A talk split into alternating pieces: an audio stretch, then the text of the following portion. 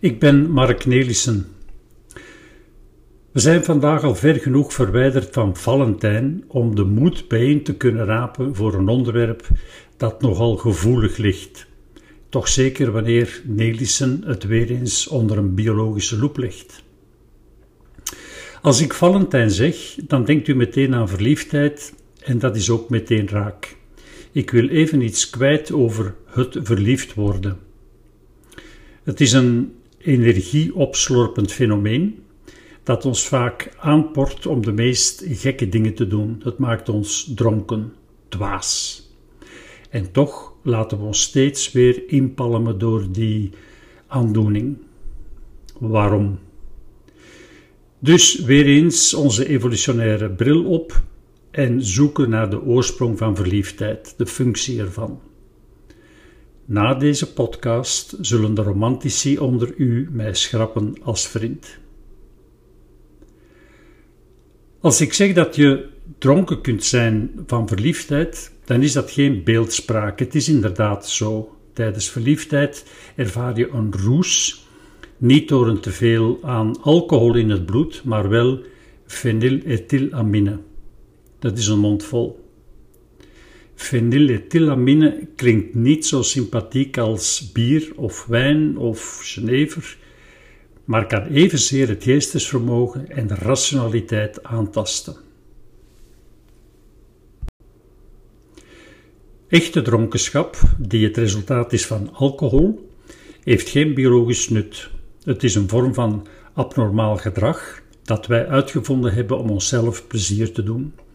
Niemand zuipt zich te pletter voor de hoofdpijn van de volgende dag, wel voor het genot van het moment zelf. De dronkenschap, die het resultaat is van verliefdheid daarentegen, is een evolutionair gevormd systeem dat wel nuttig is. Zonder dat systeem zou voortplanting moeilijk zijn, en daarover zullen we het hebben. Bij alcoholdronkenschap is de molecule ethanol de boosdoener. Bij verliefdheid is er een cocktail in het spel. Sorry voor de woordspeling. Waarbij vooral fenylethylamine de zaligmakende molecule is. Om te verhinderen dat we hoofdpijn krijgen van dat moeilijke woord, zullen we de vriendennaam gebruiken. Het is gewoon de afkorting van die lange naam, namelijk PA, P-E-A. Maar laten we niet te snel gaan of we vliegen dronken uit de bocht. Laten we beginnen met de voorplanting. Dat is een hele bedoeling. Mannen moeten ervoor zorgen dat een van hun 100 miljoen zaadcellen bij een eicel terechtkomt. Vrouwen moeten moeite doen om een van hun eicellen een zaadcel te laten verwelkomen. Maar hier is een probleem. Mensen hebben een ingebakken schroom, zelfs vrees of agressie voor de nabijheid van andere mensen. Dat wordt bestudeerd in de zogenaamde proxemica. Tja, dat doet me aan denken dat ik daar later ook eens een podcast moet aan wijten.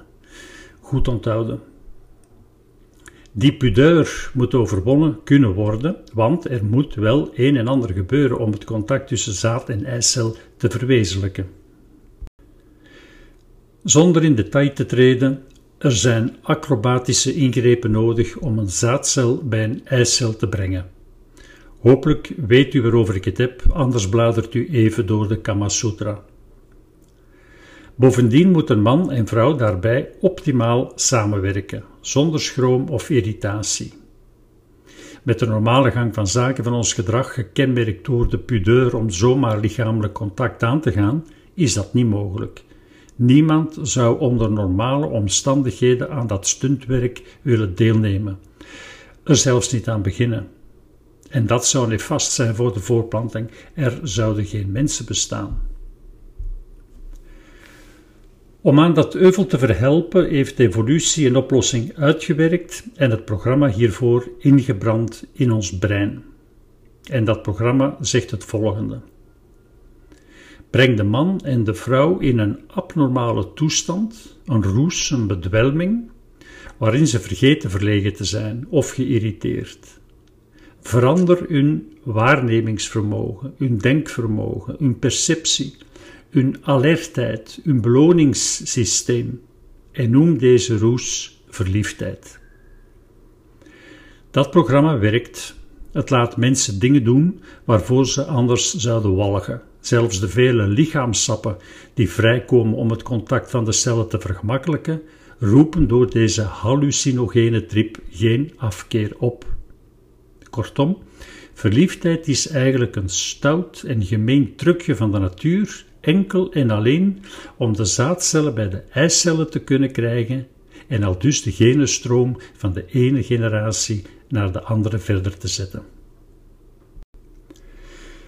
Voor gewone dronkenschap heb je alcohol nodig, voor verliefdheid worden, zoals ik al zei, andere moleculen gebruikt.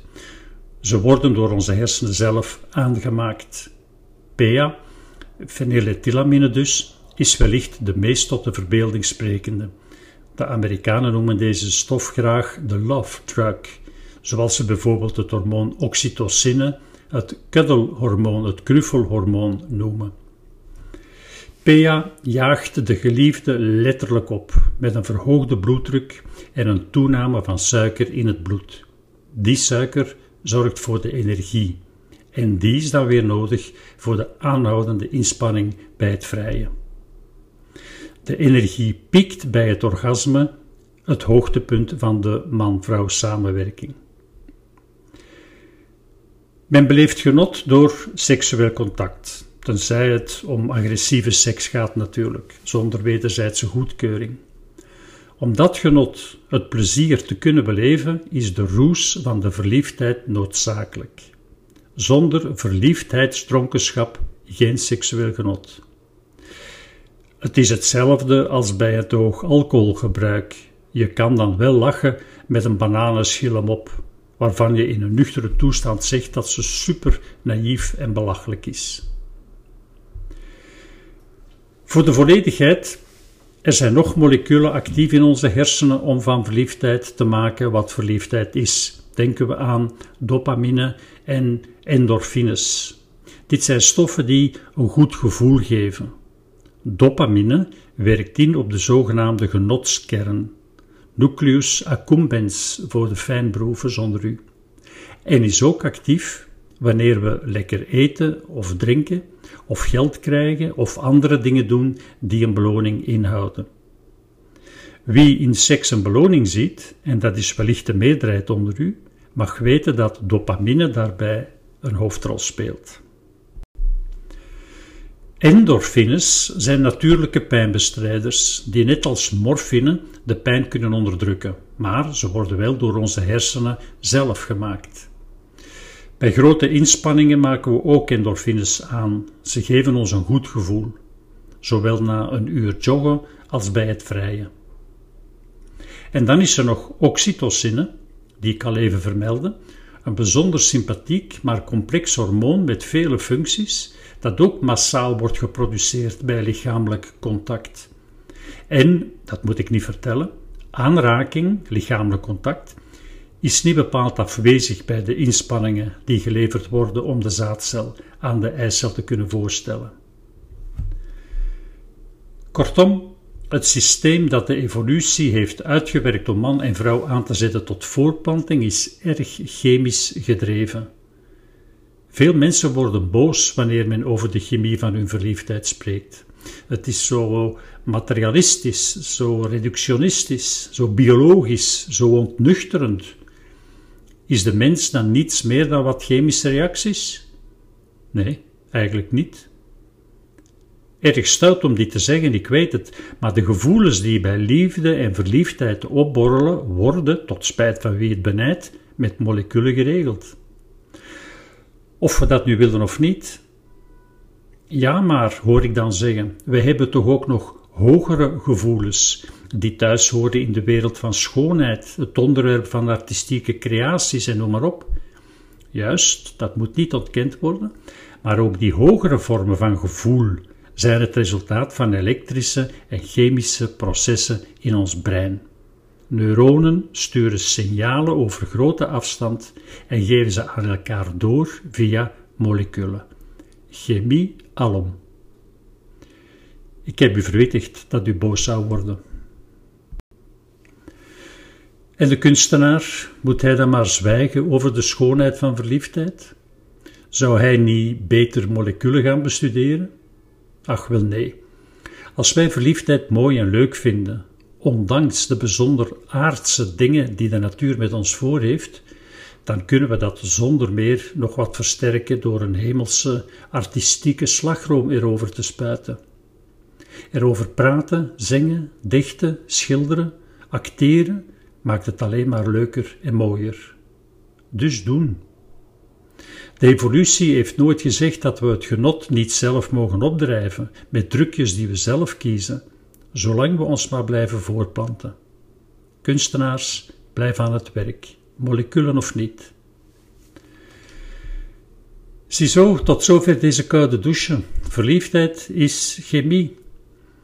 Maar laten we ons daar niet door storen. De hele werking van ons lichaam is chemie, dus ook onze geest. Is chocolade minder lekker als we weten dat het uit moleculen bestaat? Dat de gewaarwording van de smaak in onze mond, de geleiding van de prikkels naar onze hersenen, de verwerking binnen die hersenen bestaat door de werking van moleculen? Laat u bij deze kennis die doos met pralines misschien links liggen. Geef ze dan aan uw lief, ook al is Valentijn al achter de rug. Tot de volgende keer.